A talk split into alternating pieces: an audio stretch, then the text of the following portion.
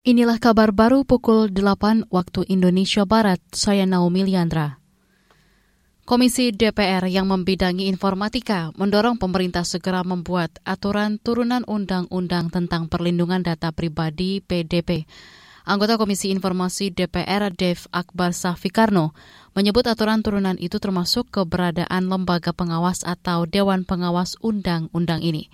Dengan begitu, undang-undang bisa dilaksanakan dengan efektif disahkannya undang-undang PDP, maka pemerintah perlu membuat aturan-aturan urunannya. Apakah itu permen kah, apakah itu perpres atau peraturan pemerintah yang mengatur hal-hal teknis tentang pelaksanaan undang-undang tersebut. Dua, kan juga di dalam undang-undang itu ada uh, aturan mengenai uh, uh, pemegang pemangku atau wali data. Nah, wali data itu siapa? Nah, itu presiden harus tentukan dan juga ada lembaga pengawasnya atau dewasnya.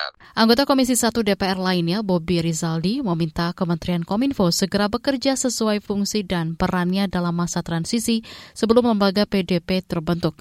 DPR menyerahkan ke Presiden Joko Widodo ihwal pembentukan dan penunjukan orang-orang untuk menempati lembaga pengawas PDP ini.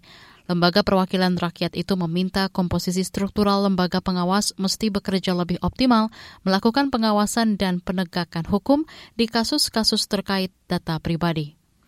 Komisi Pemilihan Umum menyebut sejumlah persoalan dalam Undang-Undang Pemilu yang menimbulkan beda tafsir terkait aturan kampanye di kampus atau perguruan tinggi. Ketua KPU Hashim Asyari mengatakan dalam Undang-Undang Pemilu pasal 280 disebutkan ada larangan kampanye di kampus maupun tempat ibadah.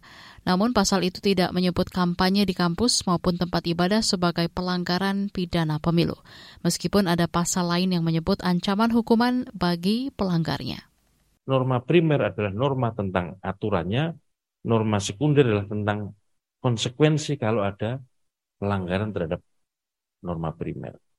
Pertanyaannya, norma primernya apa? Bukan pidana. Walaupun ada ancaman pidananya, tak bisa dipidana. Walaupun ada ancamannya, ancaman ini akhirnya kalau Musa unexecutable, nggak bisa digunakan.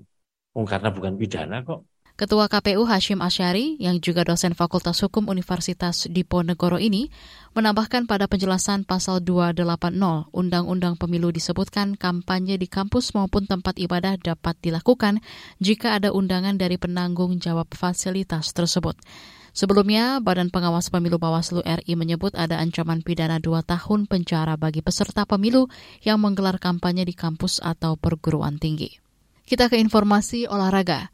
Badan Sepak Bola Eropa UEFA melarang Rusia mengikuti babak kualifikasi turnamen sepak bola Euro 2024. Dikutip dari BBC, UEFA telah memastikan Rusia maupun klub-klub sepak bola di negara itu mengikuti kompetisi baik yang digelar UEFA maupun FIFA, termasuk kualifikasi Euro 2024. Larangan itu dikeluarkan terkait serangan Rusia ke Ukraina sejak Februari lalu.